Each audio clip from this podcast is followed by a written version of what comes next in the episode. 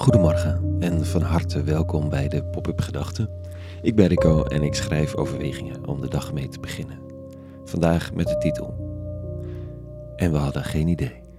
Pop-up Gedachten maandag 19 februari 2024.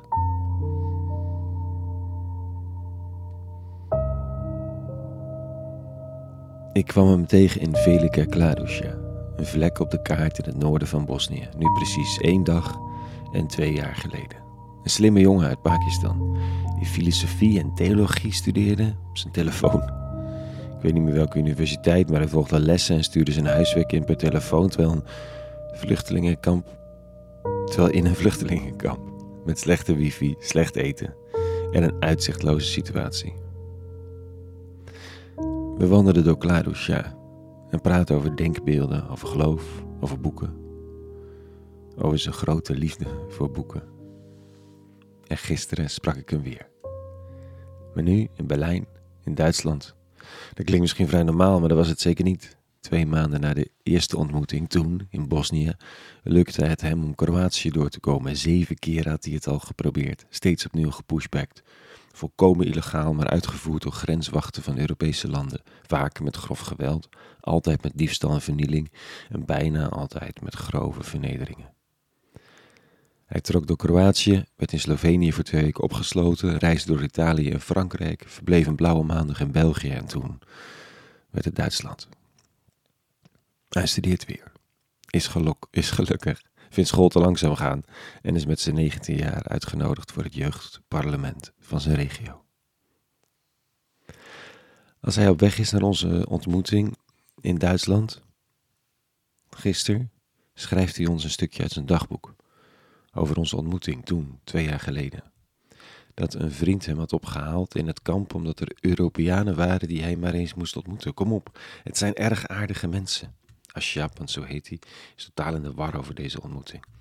Hij noemt de positieve energie die hij voelt van de mensen die hij helemaal niet kent. En of ze misschien toch niet zo slecht af zijn. Hier. Achteraf zo schrijft hij, zit hij na te denken. Ze zijn onder andere uit Italië gekomen om ons als groep in Bosnië op te zoeken en besteden daar tijd en geld aan. En ze betalen hier ook voor ons eten. Maar toch zijn al deze mensen blij. Wie doet dat in de huidige tijd van materialisme? Wie zijn deze mensen? Wat is het doel van hun leven? Hoe zijn ze zo blij?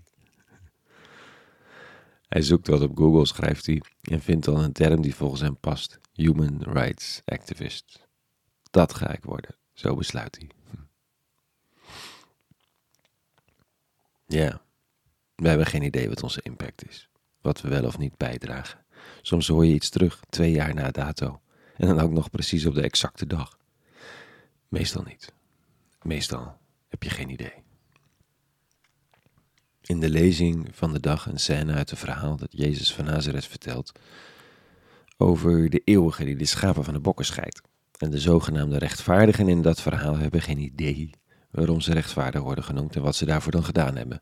Want ze zouden de eeuwige zelf te eten en te drinken hebben gegeven en kleren toen die het nodig had. Maar ze krapen zich op een achterhoofd en vragen, ehm, heer, wanneer hebben we u hongerig gezien en hebben u opgenomen? Of naakt en hebben u gekleed? En wanneer zagen we u ziek of in de gevangenis en zijn u komen bezoeken? Hm, precies dat. Wanneer was het ook alweer? Moet je best doen om het goede te doen of impact te maken of het verschil is niet per se de weg. In andere zin, het gebeurt me nog te vaak en denken, oh dat wil ik ook, zo'n impact, zo'n legacy of zo. Maar zo werkt het niet. Beschikbaar zijn, aanwezig op plekken waar het nodig is, gewoon met jezelf. Dan gaat de eeuwige dienstgang wel, door je, om je heen. Soms hoor je iets terug, soms niet. Laat het lekker los. Als je er soms maar bent, met je hart en je ziel.